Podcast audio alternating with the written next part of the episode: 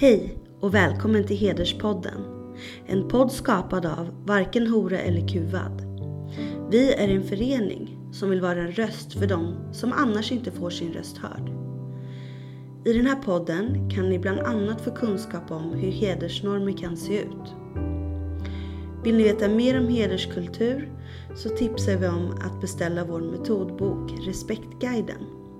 Den handlar om hedersnormer och vilka rättigheter de som är hedersutsatta har. Ni kan också läsa Varken Hora eller Kuvads rapporter 11 och 1200 som kartlägger hedersförtryck i socioekonomiskt utsatta områden i Stockholm och Göteborg. Vi har också en tidning, Förortsfeministen, där vi skriver om hedersnormer och mycket annat. För att ta del av det jag precis nämnt så kan ni besöka våra sociala medier eller vår hemsida www.vhek.se. E. Där kan ni även hitta tidigare avsnitt av Hederspodden. Tack för att ni lyssnar och för att ni stöttar vårt arbete. Hej och varmt välkomna till eh, Hederspodden. Ett nytt avsnitt eh, för februari och eh, idag eh, gästas vi av eh, Hanna Sinto. Eh, Hanna är forskare från början Malmö universitet men nu är du friforskare.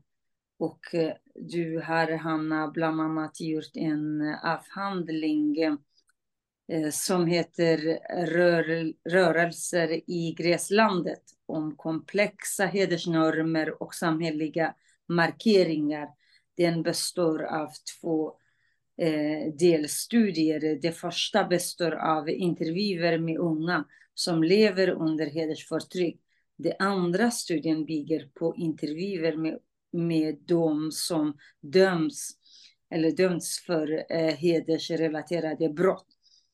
Eh, och eh, du har också eh, läst en hel del eh, domar eh, där man har dömts för hedersbrott.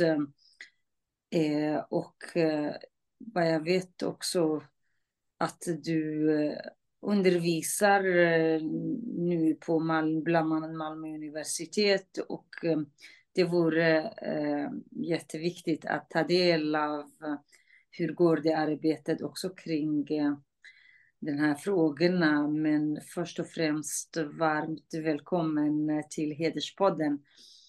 Och tack så hemskt mycket för att du ställer upp. Tackar.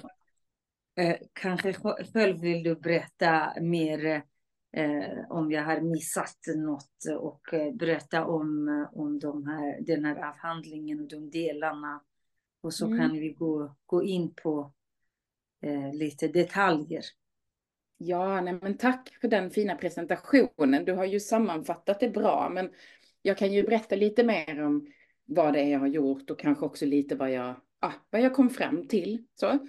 Eh, så att det är ju de här två delarna som, som båda två utgår från eh, mitt praktiska arbete kan man säga. Alltså jag har fått liksom inspirationen till de här två studierna genom att jag har jobbat i bägge målgrupperna kan man säga.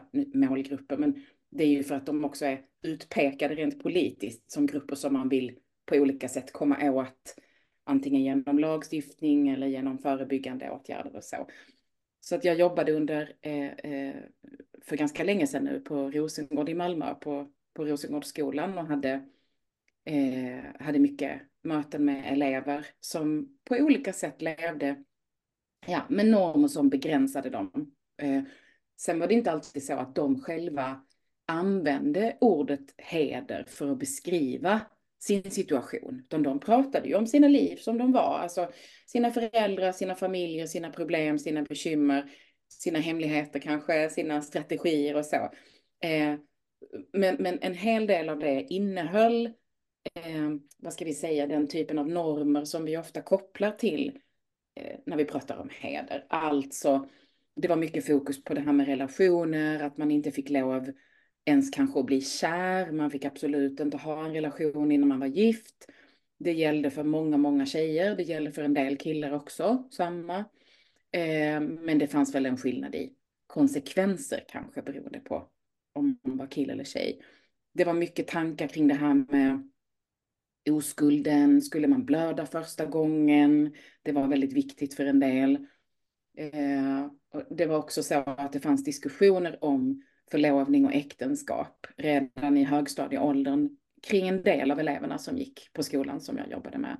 Så det var många olika sådana saker som, ja, som vi liksom tillsammans brottades med. Eh, och som också elevhälsopersonalen eh, hade mycket diskussioner om. Men, men man hade kanske inte riktigt utrymme för att möta det eh, inom ramen för den vanliga verksamheten.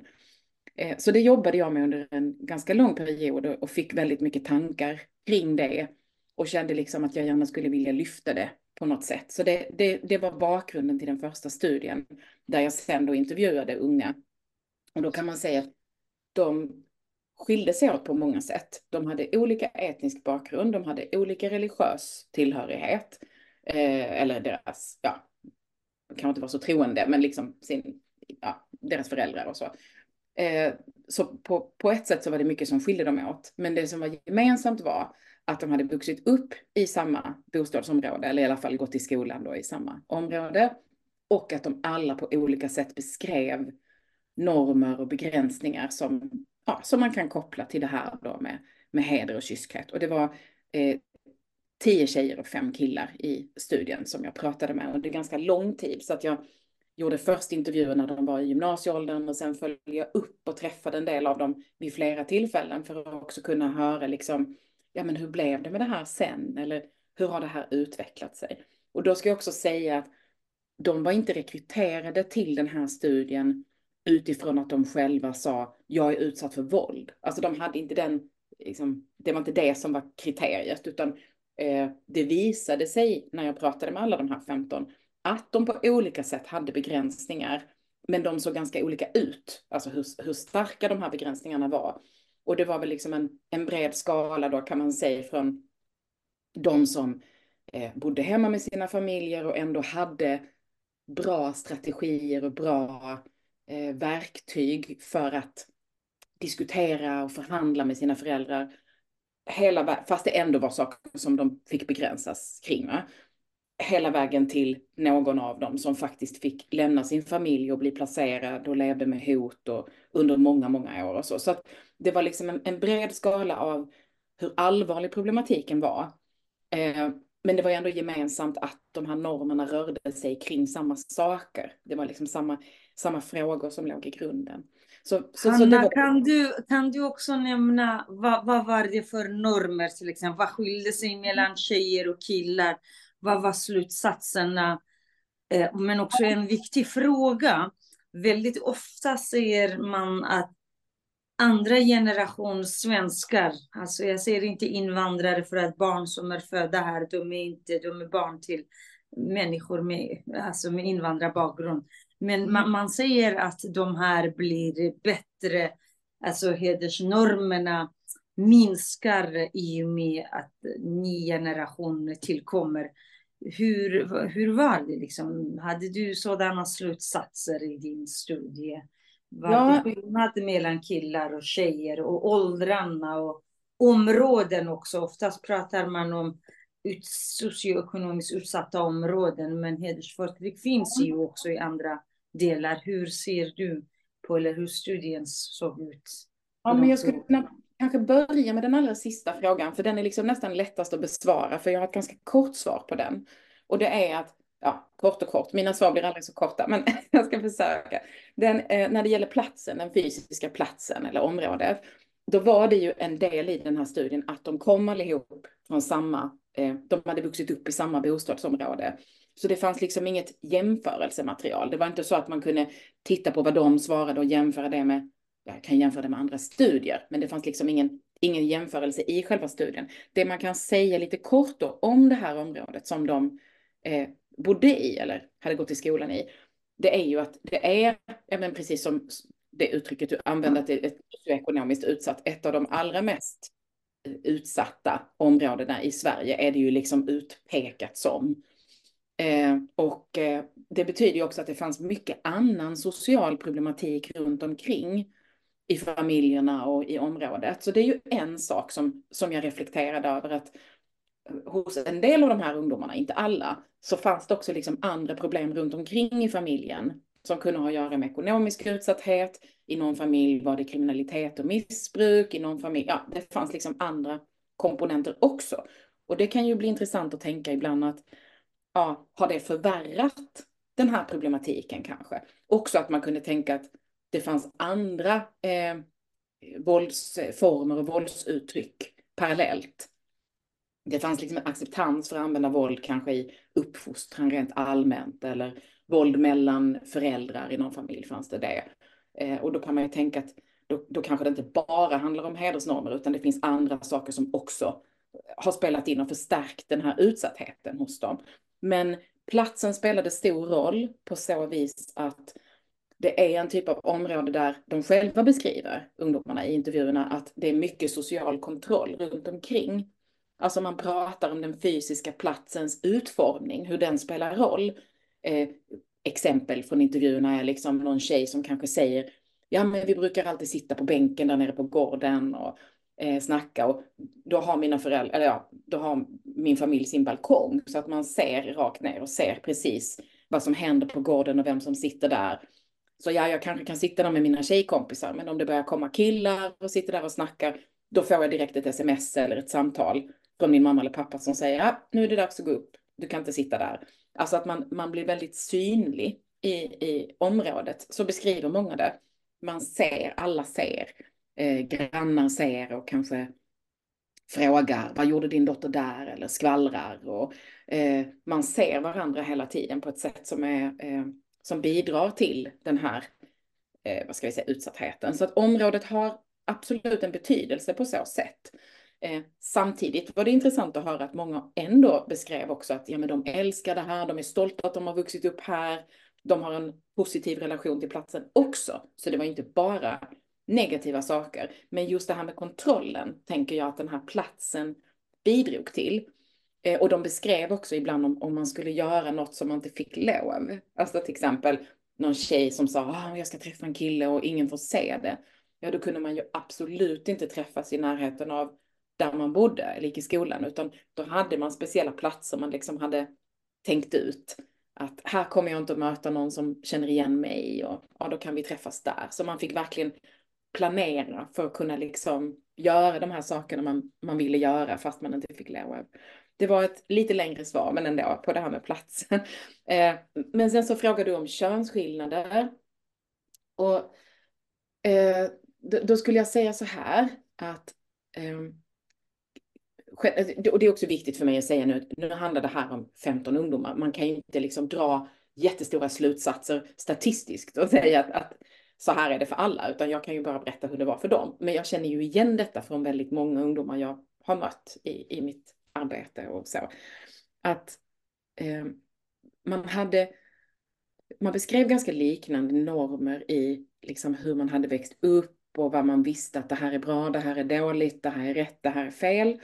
Men konsekvenserna om man bröt mot dem kunde kännas som att där, där var det liksom olika mellan tjejer och killar. Och en sak som var rätt stor skillnad i regler i vardagen, det var att jag upplevde att killarna beskrev en mycket större mm, rörelsefrihet rent fysiskt. Alltså det var inte lika problematiskt eller alls problematiskt för en kille att eh, ta bussen till en annan del av stan och träffa kompisar eller vara ute senare på kvällen. Alltså den här rent fysiska rörelsefriheten, där var det stor skillnad mellan tjejer och killar i den här gruppen.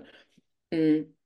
Och det betyder ju någonting, tänker jag, inte bara i det här att ja, det är kul att få vara ute sent eller så, utan vad utvecklar man för förmågor? Vad utvecklar man för kunskaper och färdigheter och tryggheter och självkänsla och allt möjligt.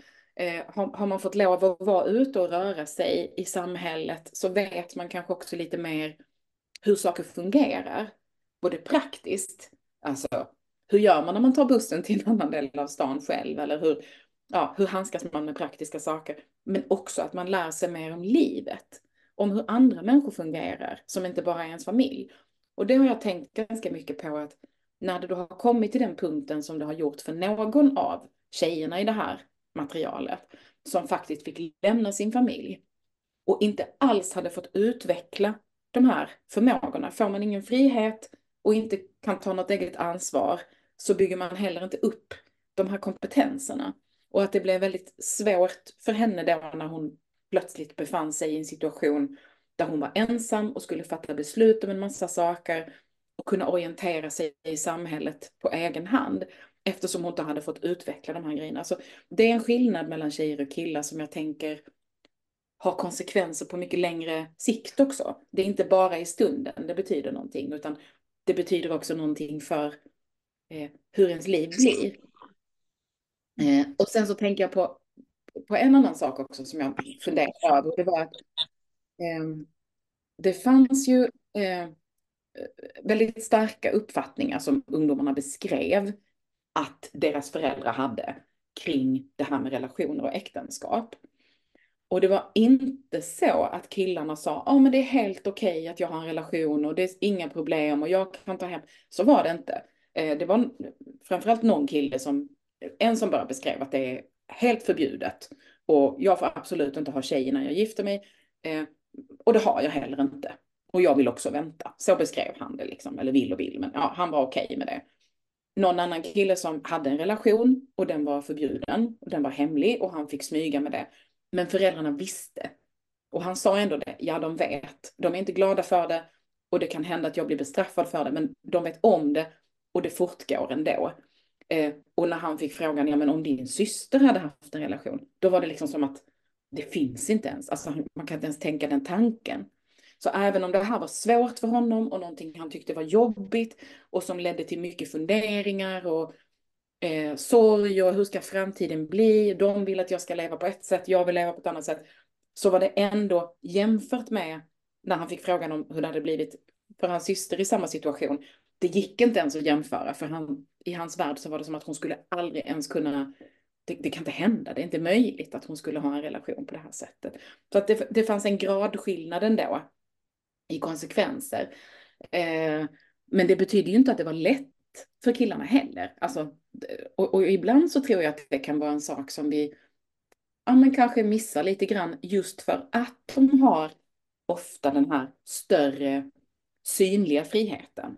Får lov att vara ute, är med kompisar, är ute på stan, lever ett friare liv liksom på, på ytan. Då tänker man inte kanske att, att det kan finnas de här begränsningarna hemma eller i bakgrunden. Eh, så. Men, och så frågar du också om, om, om generation. Eh, det här lite grann med föräldrar och andra generationen och, och, och vad man kan tänka.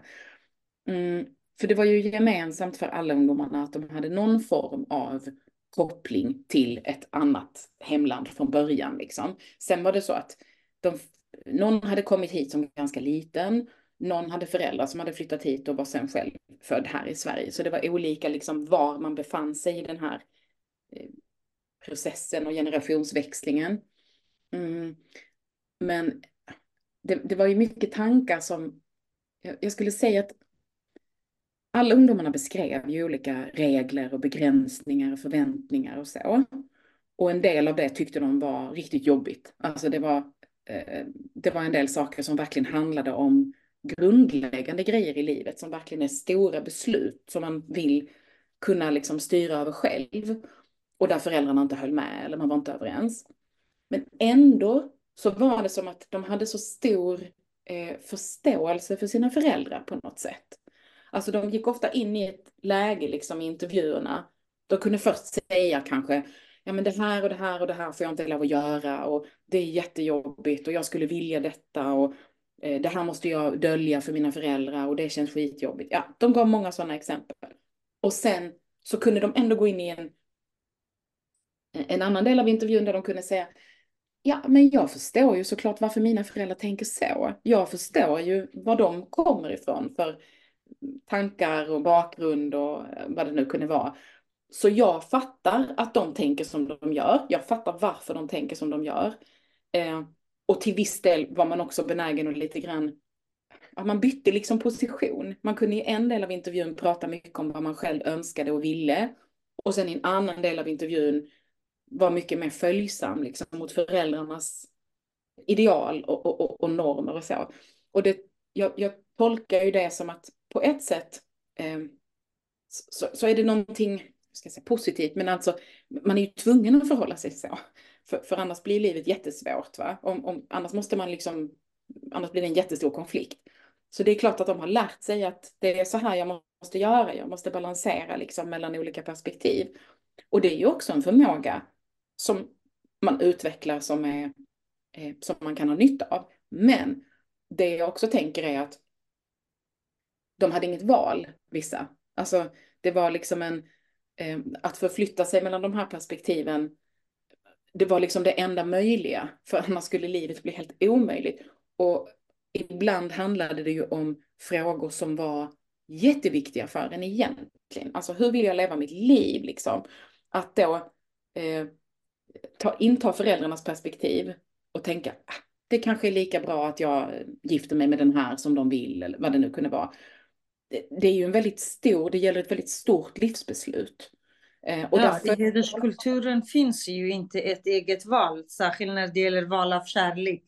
Mm. Och att leva med eller flytta hemifrån. Vissa saker, det är absolut, absolut, det, det är inte förhandlingsbart. Det är bara att följa. Så, så är det.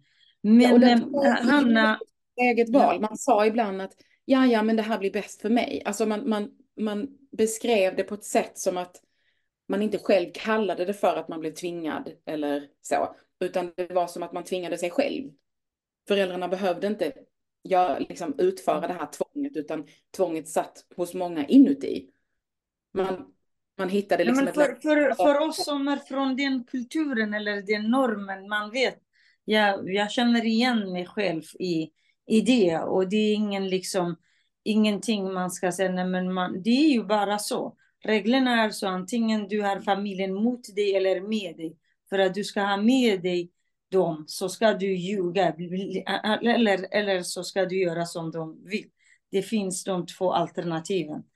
Du, och då blir det svårt, tänker jag, och det är också en del av vad avhandlingen handlar om.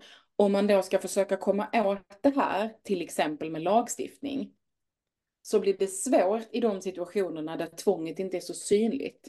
Alltså om ingen har sagt du måste göra det här, utan du säger okej, okay, jag gör det här för att jag vill själv.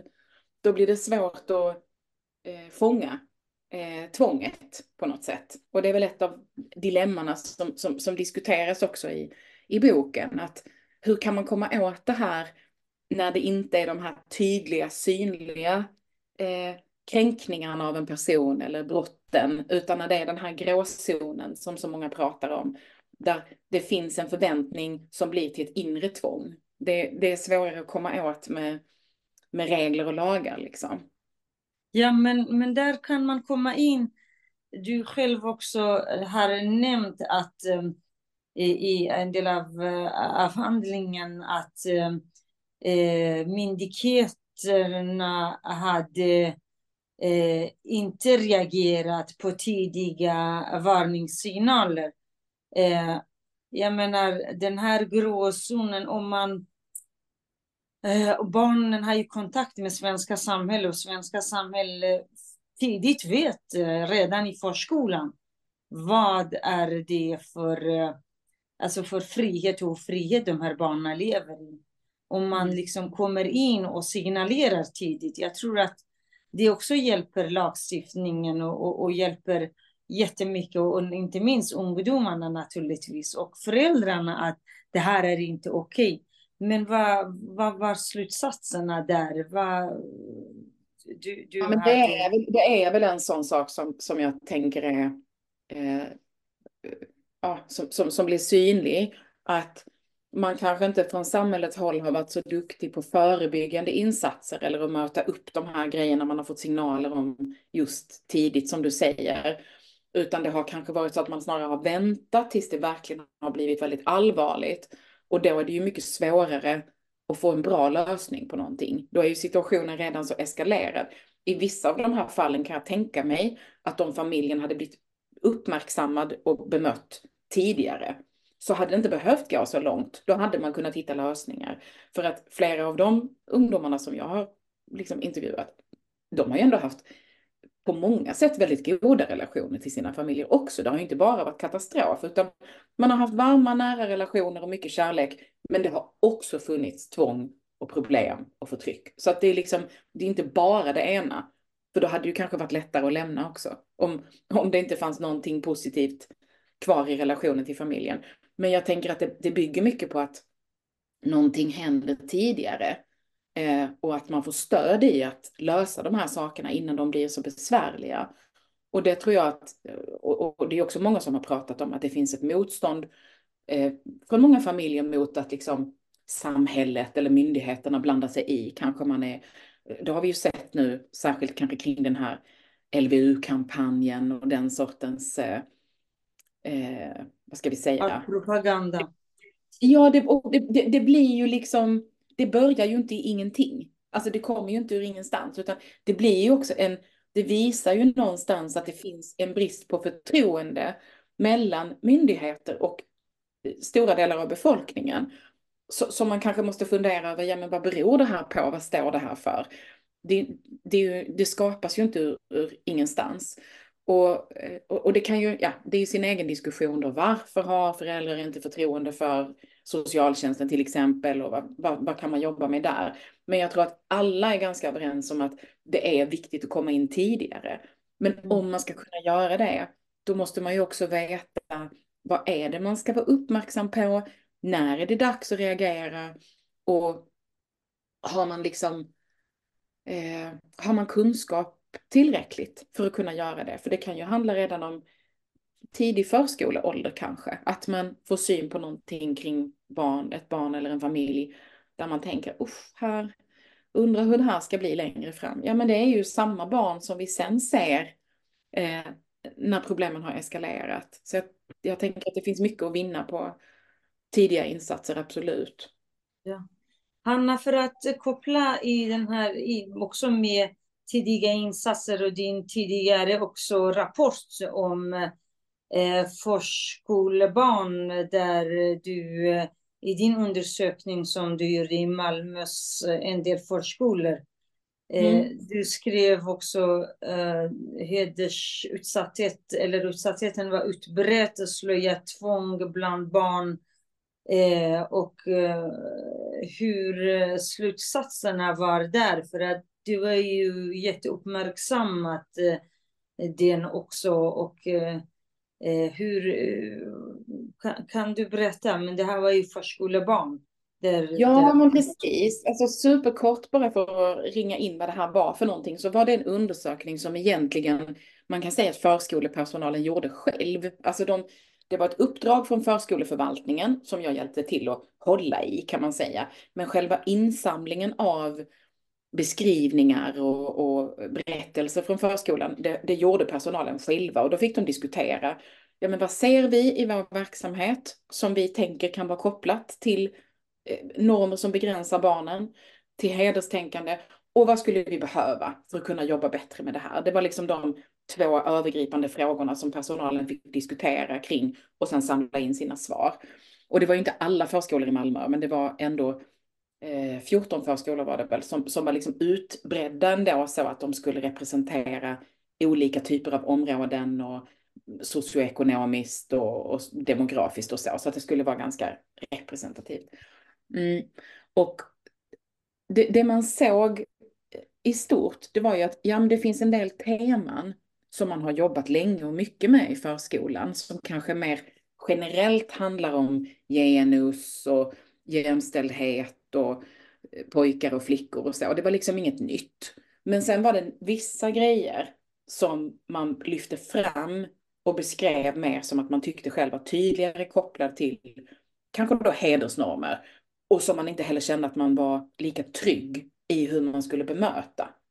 Och det var de de exemplen som var tydligast, det var dels eh, att ja, skillnad på pojkar och flickor. Det finns det många föräldrar som kanske tycker att pojkar är si och flickor är så och de är bra på olika saker. Men här handlade det om, om föräldrar eller vårdnadshavare som liksom ville att man skulle separera pojkar och flickor i verksamheten. Alltså man, man ville inte ens att de skulle göra saker tillsammans eller vara nära varandra. Så I förskolan? I förskolan. Och då, och då kunde det, de exempel som kom, det kunde handla om sånt som att ja, men föräldrar som sa att de inte ville att deras barn skulle hålla handen med någon av då, motsatt kön eller ligga bredvid varandra på vilan eller leka tillsammans ens med någon. Eh, alltså om de hade en pojke så skulle inte han få leka med flickor och vice versa. Så att det var liksom en önskan från vissa föräldrars håll om att helt hålla isär barnen i verksamheten beroende på kön. Och det eh, var någonting som personalen då beskrev som att det här visste man inte hur man skulle, inte att man liksom gick med på det, men mer att man, man kunde inte förstå det riktigt. Vad handlar det här om? Varför tänker man så här? Mm. Och att man också upplevde det som lite, något ganska nytt fenomen. Liksom. Var, var, var, var kommer det här ifrån? Och det Men vad, vad, vad, tror du de skulle reagera om det var svenska föräldrar och svenska barn? Alltså, yeah. det, är, det är en jättebra fråga, Amine. För det är inte heller så att de skriver i alla svaren. De har ju samlat in det här och skrivit själva. Så det är inte alltid i svaren som det framgår att, eh, alltså vilken bakgrund familjerna har. Eller oftast skriver de inte det. Eh, men, men det är en intressant fråga om man hade uppfattat det på samma sätt eller hur hade man tolkat det? Om, om, och hur var... man agerat också, ja. agera, eller hur? Och det är ju en av följdfrågorna som jag tänker att hade man fått göra om den här undersökningen och ställa fler följdfrågor. Jag var inte närvarande när personalen hade de här diskussionerna, så det var inte liksom, fanns ingen möjlighet att ställa följdfrågor. Då hade jag ju eh, velat veta tydligare. Okej, okay, och när det här händer, vad gör man då? Hur agerar ni? Hur hanterar ni det? Men sen har jag ju mött väldigt mycket personal efter att den här inventeringen gjordes och kunnat ställa frågor. Och där låter det som att de allra, allra flesta är ganska, alltså de är ju väldigt trygga i att veta på ett vis vad de borde, alltså det här går emot förskolans läroplan, det här går emot förskolans värdegrund, det här är inte okej. Okay. Men hur man ska ta den dialogen med föräldrar, det är inte helt självklart. För att dels så tänker jag att det är stor skillnad om man har jobbat många år, man är erfaren, man är utbildad, man är trygg, man är liksom säker i sig själv och så. Eller om man kanske är ganska ny. Eh, det är inte alla som jobbar i förskolan som har gått, förskol, alltså som har gått utbildning, utan det är mycket vikarier och kanske unga personer. Eh, känner man att man har stöd av sina kollegor eller ska man ta den här diskussionen helt själv? Eh, så det, är många saker som spelar in i det. Eh, jag tror att de allra, allra, alla som svarade här har ju en uppfattning om att det här är fel. Men det är inte lika självklart hur man ska göra. För sen finns ju också det här dilemmat, Amine, som jag, jag tror är, det, det, är så lätt att tänka, eh, ah, men det är väl bara att säga ifrån. Och liksom vara hård mot föräldrarna. Det kan man vara. Men det som personalen beskriver som ett dilemma här, som jag tänker att man också måste ha respekt för, det är ju att vi har ingen förskoleplikt i Sverige. Man är inte tvungen att ha sitt barn i förskolan.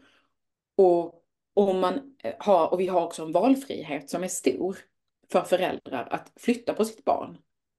Både när det gäller förskola och skola.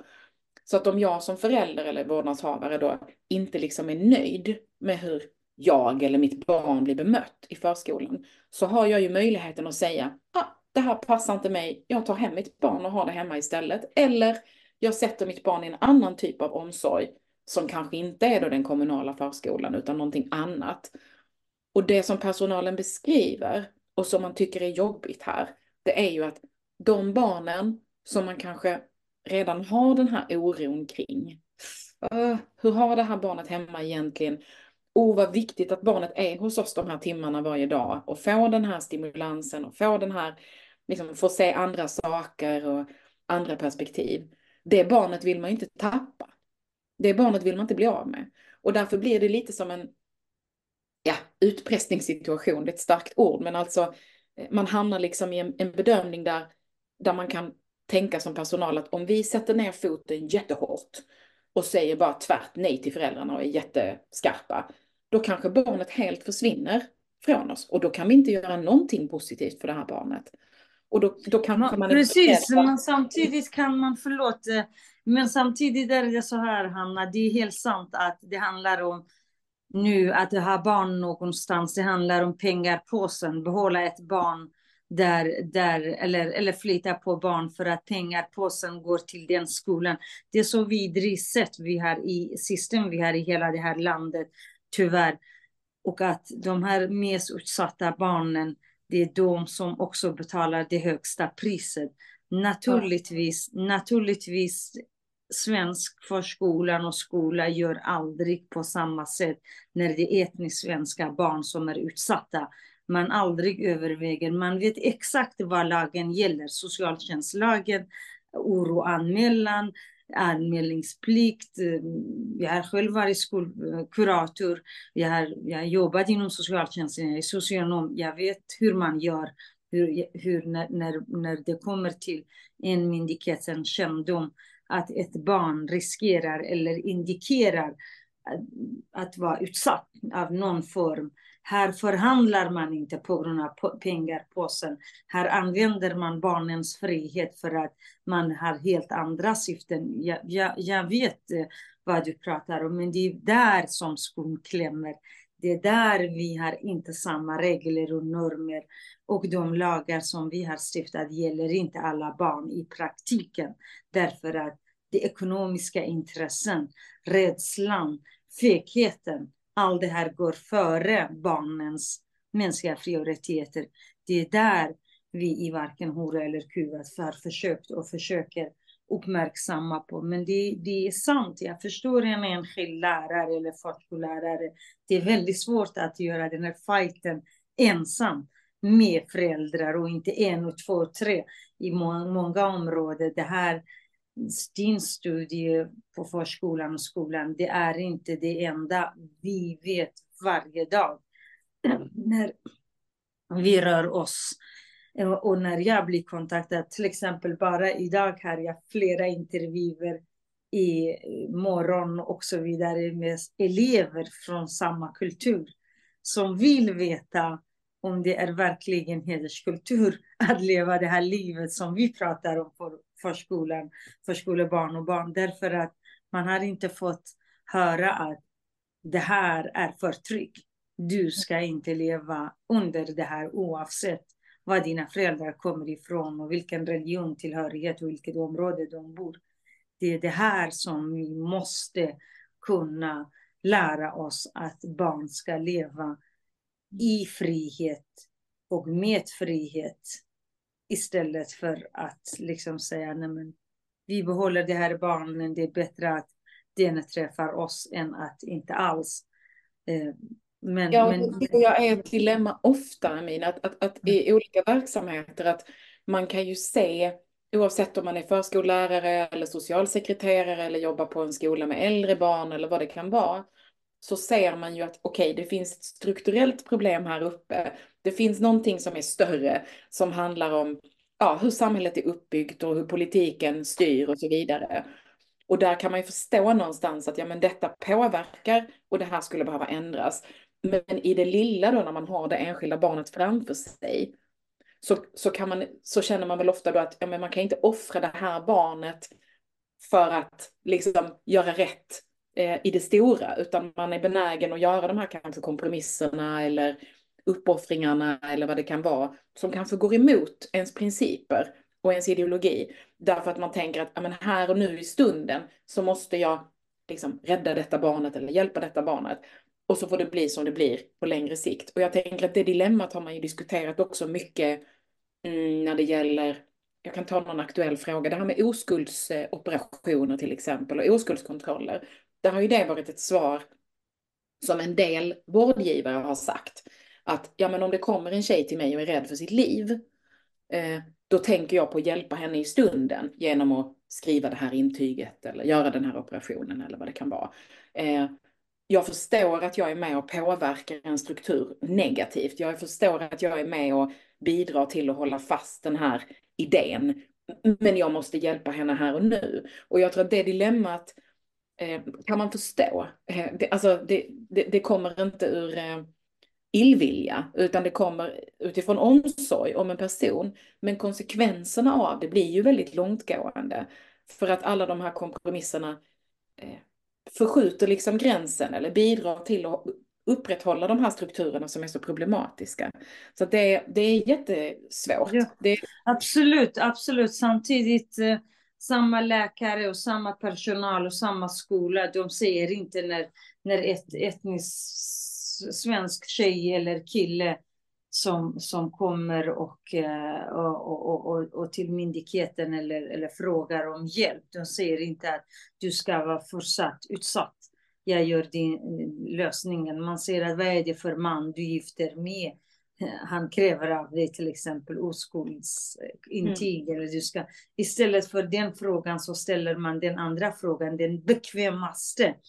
Jag, jag vet också om att du fick eh, väldigt bra reaktioner från samhällets sida. Sen det var ett antal eh, akademiker som, som, eh, som vanligt, varje människa som jobbar med de frågorna, de ställer den här eh, eh eller stämpeln på att man, eh, man måste vara islamofob eller, eller rasist för att skriva om det här. Jag vet att det var obehagligt, det är obehagligt, men du har inte ens nämnt det här är från en viss religion, en viss kultur, utan, utan du har ju generellt beskrivit. Hur, hur känns det också att få det här på, på det? Och det här tänker jag också relatera till det vi pratar om. Om, mm. om man bara stämplas för, för olika obehagliga saker, det kanske inte alla orkar heller med att göra något.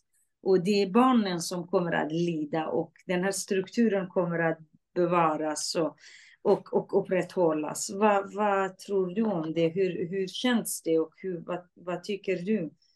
Ja, men, det är klart, det är klart Amina, att det är ju inte kul. alltså det, vem som helst kan ju, kan ju förstå att det, det är jobbigt att liksom bli uthängd eller utmålad Eh, framför allt om det, om det handlar om att bli utmålad som någonting som man känner så himla starkt i sitt hjärta, att det här är inte jag, det är inte så jag är, det är inte det här jag står för. Eh, det, att, det, det kan vara jobbigt för, för vem som helst. Men, men jag, samtidigt var det ju liksom hela tiden min... Eh, jag hade ju en trygghet i att jag visste så väl vad är det jag har gjort, vad är det jag inte har gjort, vad är det jag har skrivit, vad är det jag inte har skrivit. Och framförallt också, men vad är det jag står för och i vilket syfte gör jag detta?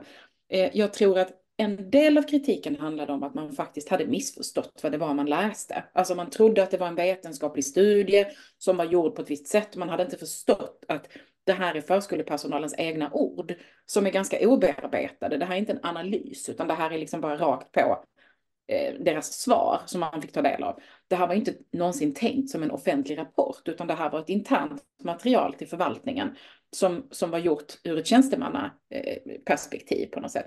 Men skitsamma, det, man kan vara kritisk ändå, och det var man. Och, och, och det handlade ju om att, att eh, det uppfattades som att vissa av de här berättelserna, beskrivningarna som personalen gjorde, att det kunde liksom förstärka eh, både rasism och islamofobi och vi och dem och främlingsfientlighet och så. Och så tänker jag så här, ja, man kan absolut eh, diskutera hur man ska benämna saker och hur man ska rubriksätta saker. Jag kan fullständigt hålla med om att det fanns saker i det här materialet som kanske snarare handlade om religiösa normer än om hedersnormer, till exempel. Eh, men ska vi inte diskutera det då? Alltså, då tänker jag att det, det, är fortfarande begränsningar. Det är fortfarande saker som man beskriver som barnen lever med som vi behöver prata om. Precis mig... som slöja på, på förskolebarn, det är faktiskt religiöst. Ja, och, och, i det här fallet så handlar det också om vissa saker som var väldigt, alltså som man kan tänka lägga utanför, alltså vad äter man för mat och, ja men då, då får man diskutera det för sig. Men det behöver ändå diskuteras. Ifall personalen, för, för mig så slutar liksom allting i frågan, ja men tror man att personalen hittar på det här? Tror man att det här är liksom inte sant, det de beskriver? E, eller tror man att det faktiskt är så att de här olika sakerna händer i vardagen? Då behöver vi prata om det. Sen vilka rubriker vi sätter på det, om vi kallar det för heder, om vi kallar det för begränsningar, om vi kallar det för någonting annat. Okej, okay, det kan vi hålla på och diskutera där uppe och det kan vi göra liksom. Men någonstans måste ändå personalen hitta ett sätt att bemöta barnen och bemöta situationerna. Och om vi inte tror att de hittar på och ljuger så måste vi ta det de säger på allvar. Och i slutändan handlar det ju faktiskt om att ta barnen på allvar. Det som gjorde mig ledsen eh, och det som jag tänker är ganska ofta den liksom risken eller känslan man kan ha, det är ju att en sån här typ av eh, undersökning då, eller ett sånt här resultat, eller vad ska vi kalla det för, Eh, det kan ju tas eh, in i vilket sammanhang som helst. Och det som kan provocera mig enormt mycket och på riktigt göra mig ledsen, det är ju när den här typen av diskussioner kapas av krafter som absolut inte har de här barnens bästa för ögonen. Utan som egentligen helst av allt skulle vilja skicka ut både barnen och deras familjer imorgon. Va? Och så lyfter man det här och säger, titta, det här är resultatet av eh, invandringen, nu måste de ut allihop. Ja, men det är inte det som är min, det är inte därför jag gör det här arbetet. Jag gör ju det här för att jag vill att det ska bli bättre för människor som lever här tillsammans, inte för att jag ställer mig bakom den agendan. Det kan jag säga, Mini, det, det gjorde mig ledsen när jag såg att, att det här kunde användas i så andra syften. Folk som tar hedersfrågan och gör den till ett verktyg för att prata om helt andra saker som ligger väldigt långt ifrån min drivkraft. Det eh, var jobbigt och samtidigt så är det ändå så här att jag är i en jätteprivilegierad position som kan sitta och undersöka de här sakerna. Det är inte mig det är jobbigt för. Det är barnen det är jobbigt för, det är en del av familjerna som har det jobbigt. Och då, då blir det liksom också många gånger lätt att tänka att okej, okay, det, här det här går över och så länge jag är trygg i mig själv och vet vad jag har gjort och varför jag har gjort det så, så känner jag inte heller att jag kan låta mig liksom påverkas alldeles för mycket av de här. Eh, jag försökte ju också skriva debattartiklar, förklara vad är det jag har gjort, vad är det jag inte har gjort, vad, hur ser jag på det här. Eh, och jag tänker att det har aldrig någonsin varit mitt budskap att säga att islam och hedersförtryck är liktydigt, att det är samma sak eller att det är liksom det ena bara handlar om det andra. Men det är också en väldig förenkling att säga att det inte har någonting med varandra att göra.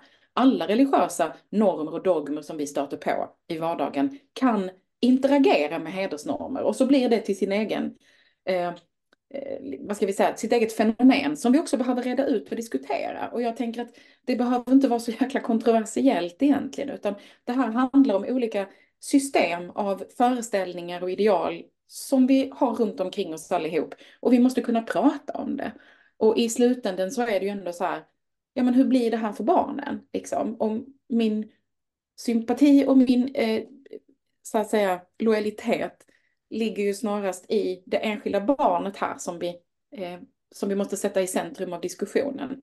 Inte hos mig eller någon ideologi eller någon, utan hur blir det här för barnet? Och där är det också viktigt att komma ihåg att olika lösningar kanske passar för olika barn.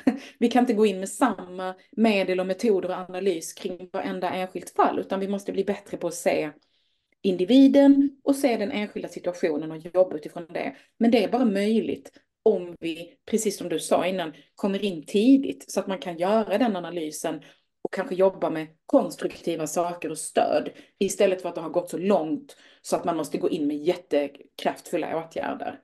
Så just därför är det viktigt tror jag att uppmärksamma kring yngre barn, för då har vi också möjligheten att förändra på ett annat sätt än när det har gått så långt. Så. Men alldeles korrekt. I Sverige är vi väldigt duktiga på att kringgå problem och byta namn på, på problem. Bara mm. för att göra oss själva nöjda och eh, på bekostnad av eh, miljontals människor. För att det här fenomenet hedersförtryck finns ju i nästan större delar av världen. Och alla i världen är inte heller muslimer. Och och den här problematiken har funnits 4000 år före Kristus. Ändå islam är den yngsta religionen efter alla de andra största. Det är bara om någon har lite, lite, lite eh, man kanske behöver inte ens ha akademiska studier för att faktiskt kunna reda ut hedersförtryck har inte med en enda religion att göra. Men som du säger att vissa religioner förstärker eh, flickor och kvinnors förtryck. Eh, och det vet vi. Eh, så det, det, finns länder som i vars lagar finns apartheid. Iran, Saudiarabien, Qatar, Afghanistan, delar av Pakistan. Eh, i Indien och Bangladesh det är inte religionen islam som styr till exempel, men hederskulturen är väldigt, väldigt utbredd bland judar. ortodoxa judar finns det. Bland kristna ortodox det är inte minst lika, lika hård, även om man inte bär slöja, men hederskulturen är stark. Men det, det är ju det att när man vill förenkla saker och framförallt gå kring problematiken, då hittar man på en massa. Och där bekämpar man inte heller rasismen. Rasismen finns och den ska bekämpas. Men istället för att bekämpa den riktiga rasismen och, och, och, diskrimineringen går man på på de som faktiskt vill göra något och befria barn och unga eller, eller uppmärksamma deras utsatthet. Det är bra ändå att, eh, att nämna det. För att eh, jag tänker också på Eh, att eh, nu finns det den här igen, den diskussionen huruvida i regeringens eh, handlingsplan för 24, 25 eller 25, 26 ska det finnas en delmål som, som handlar om hedersförtryck. För att det finns en del myndigheter och forskare och organisationer som i själva verket lever på alltså pengarna från skattemedel för att de säger att de kämpar emot hedersförtryck. Men ändå vill de inte nämna det. Det är också jättemärkligt, inte sant? Ja, jag vet inte hur det kommer att bli med det här, liksom vilken riktning det är på väg i, eh, eller på väg åt. Eh, när det gäller det med att särskilja eller eh, koppla ihop olika våldsformer och så. Men det blir intressant att se, för jag tänker vi har ju samtidigt en, en, en utveckling där lagstiftningen har blivit allt mer eh, inriktad på att precisera hedersbrott och olika former för hedersförtryck och så. Så det känns som att det går, det går åt olika håll samtidigt på något vis. Ja, det är också jättemärkligt att med ena handen man har särskilda lagstiftningar, precis som kvinnofridslagar. Nu har vi till exempel hedersrubricering. Eh, vi, vi har mot könsstympning, lag mot barnäktenskap och nu mot bort, bortförande av barn och, och, och uh, oskuldsingrepp och så vidare. Å andra sidan finns en drös med, med, med forskare och Eh, relativis, relativister som vill eh, igen relativisera efter 20 års, mer än två decennier av debatt och satsningar. Det är väl lite absurt att man ska liksom eh, starta den här diskussionen och det hjälper ingenting de utsatta. Ingenting. Verkligen. Nej, jag tänker att det, det är väl min, min slutreflektion kanske, att, att eh, man kan ha diskussioner på teoretisk nivå kring begrepp och, och benämningar och allting och det kan vara viktigt eh, att precisera. Men vi får inte glömma att det hela tiden pågår ett konkret praktiskt arbete i vardagen där man måste bemöta och hantera de här sakerna i, liksom, ja, i verkligheten på riktigt med riktiga människor som är berörda. Och då är inte alltid den här diskussionen till nytta. Eh, det, det blir liksom inte någon hjälp i, mm. i att hantera den konkreta utsattheten. Och jag tänker att allt det här handlar väl om vilken roll man ska ha. Alltså i vilken roll möter jag problemet? Om jag möter problemet genom att jag faktiskt möter utsatta konkret, då måste jag ha eh, verktyg som hjälper mig i det mötet och då kanske inte begrepp och definitioner är det primära, utan det handlar mer om bemötande och möjligheter som kanske då är juridiska eller ekonomiska eller på andra sätt. Alltså man verkar i olika, olika delar av det här tänker jag och det är viktigt att komma ihåg att eh, vissa saker och vissa processer kan få pågå i sina egna rum men man måste förstå rollen man har och ingången man har. Eh, och vi måste göra det möjligt för folk att bedriva det arbete de ska bedriva eh, utifrån sina förutsättningar. Jag tänker att det, det måste få plats. Mm. Ja, och det är också allvarligt faktiskt utifrån det här maktperspektiv.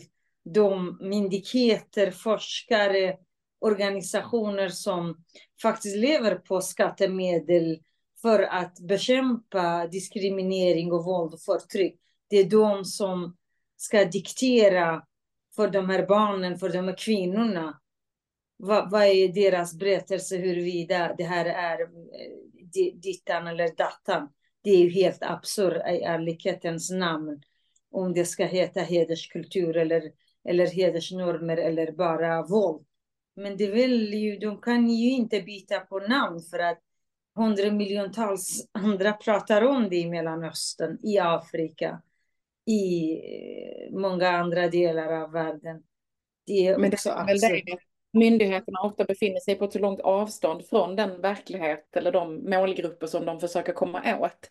Och att det, det, det visar ju sig ibland i, i, eh, i debatten. Ja, och, och, och dessutom också att postkoloniala eh, forskare som, som försöker förminska det här problemet. Eh, tack så hemskt mycket eh, Hanna. Jag vet att du måste gå till ett möte. Det finns all anledning att komma tillbaka till dig. Har du något att säga här på slutet? Annars tackar jag hjärtligt eh, från mig och eh, Hederspodden. Men jag tackar så mycket för att jag fick vara med och jag tänker att det jag har att säga idag är väl kanske just detta att fundera igenom vilken roll man ska ha i det här arbetet och låt den avgöra eh, vilken nivå och vilket förhållningssätt man ska ha. Vi, har, vi, vi, vi möter problemet i olika funktioner och olika roller och det betyder att vi eh, behöver olika verktyg för det, så tänker jag. Så tack så mycket för att jag fick vara med. Tack så hemskt mycket. På återseende.